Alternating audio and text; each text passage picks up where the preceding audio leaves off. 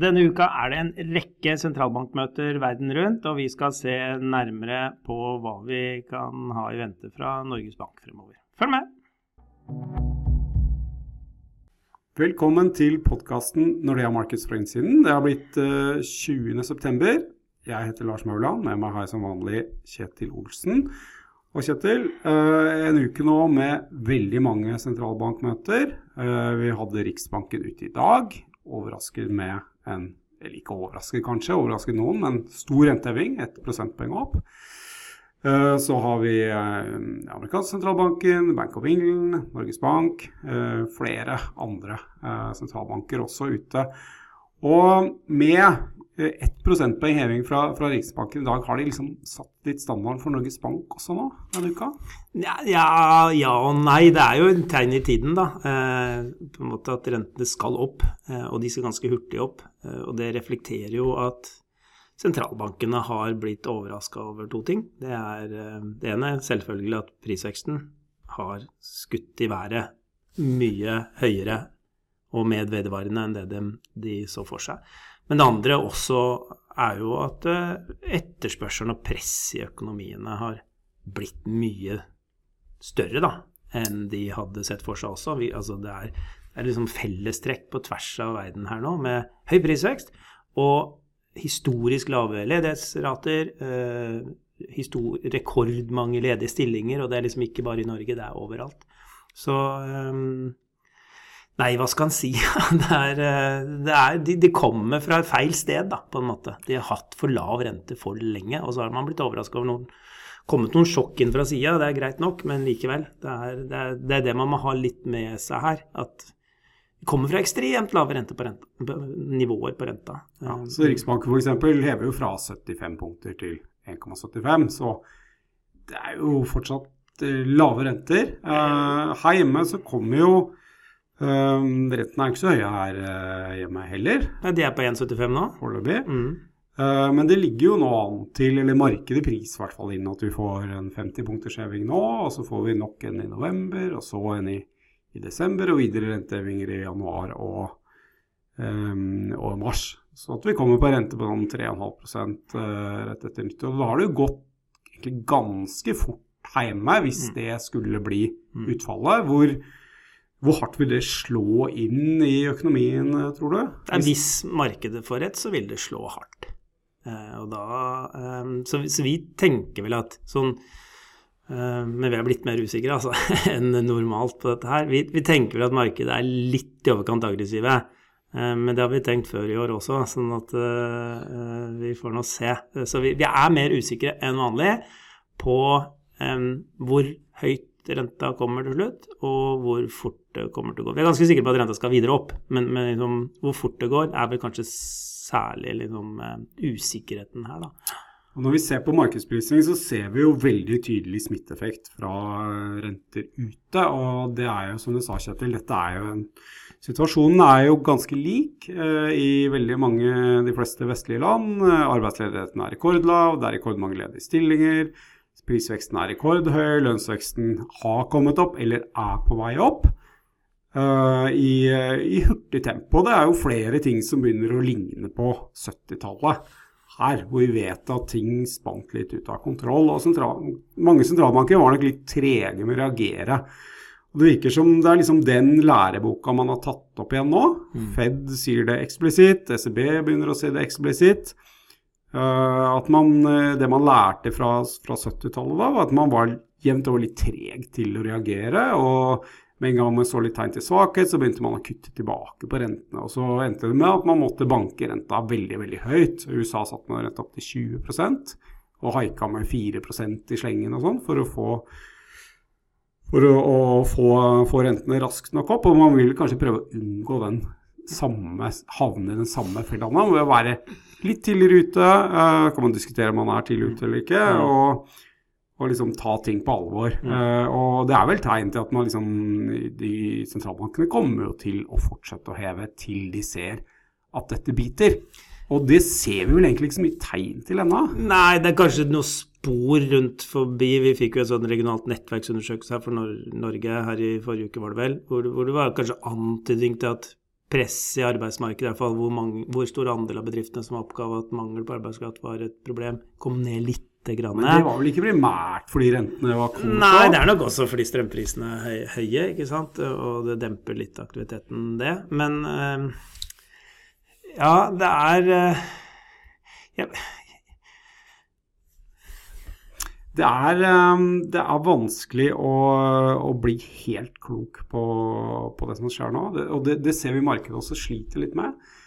Og det er klart, etter mange, mange år hvor eh, sentralbanken egentlig det de har vært opptatt av, er jo å få produksjonen opp. Og på en måte hver gang det har stoppa seg litt.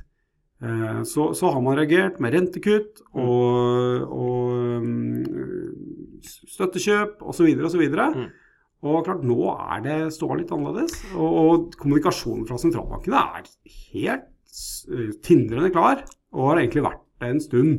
Ja, og det er det, jeg tror det er det som er på en måte utfordring for mange eh, på en måte i, i, å tolke situasjonen. Fordi du, det er noe med utgangsposisjonen som er Kall det en overoppheting av økonomien. Da. Og så har du et kostnadssjokk inn fra sida på toppen som gjør at prisveksten også blir veldig, veldig høy. Og det gjør at sant, sentralbankene må ta ned aktiviteten. Um, og de er vel for å være sikre på at inflasjonen ikke fester seg. Og da um, er det veldig uvanlig å se, sånn som Sveriges Riksbank nå. De hever renta med 100 basispunkter, varsler videre renteøkninger, men spår samtidig et fall i BNP neste år på nesten 1% og det, ikke sant? Vi, vi, har ikke ikke vært, nei, vi har ikke vært i en situasjon som det på aldri så lenge. Um, og det gjør hele liksom, settingen veldig uvanlig. Da. Altså, vi har ikke vært vant til dette her i det hele tatt. Uh, men sentralbankene sitter nå med åpne øyne, øker renta for å ramme økonomiene. Um, og så er det selvsagt når man må ta i såpass mye så raskt, og de har lyst til å være litt Frempå? Litt frempå når de først har havna litt bakpå, da.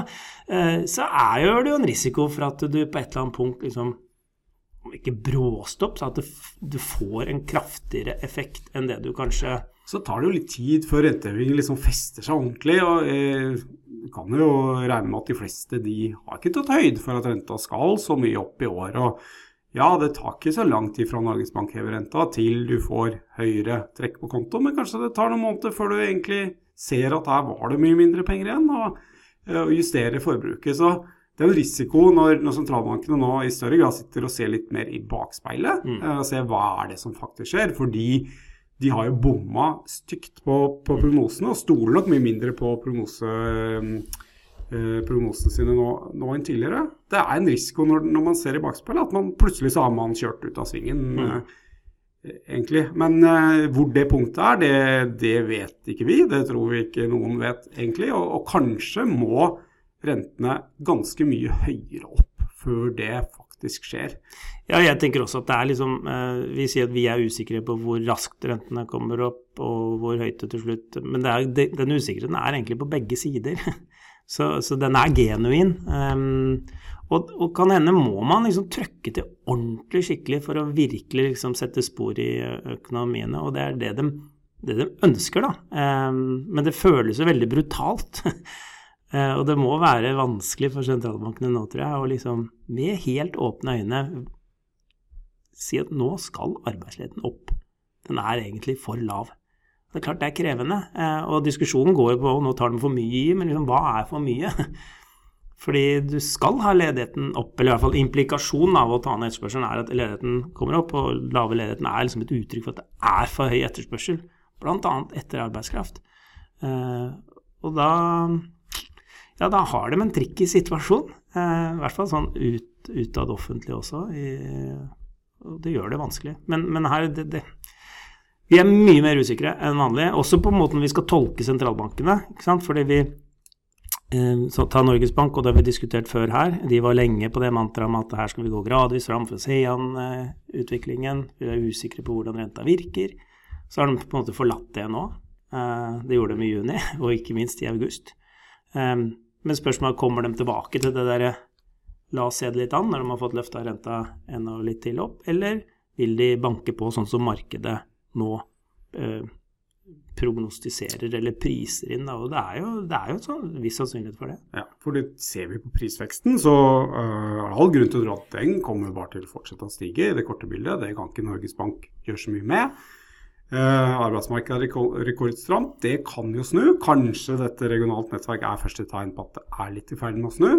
Kanskje litt tidligere enn det Norges Bank uh, så for seg. Det vet jo ikke ennå. Vi, vi tror absolutt ikke at de kan si det med noen grad av sikkerhet uh, ennå. Så som du sier, Kjetil, vi, vi, er veldig spent på, på, hva som kommer. Kommer til å følge nøye med på pressekonferansen, leserapporten osv. Og, så og eh, når også når markedet ligger og priser inn såpass kraftig renteheving fremover, så hvis Norges Bank genuint mener at det er helt feil, så er det, nok, så er det noe de bør kommunisere.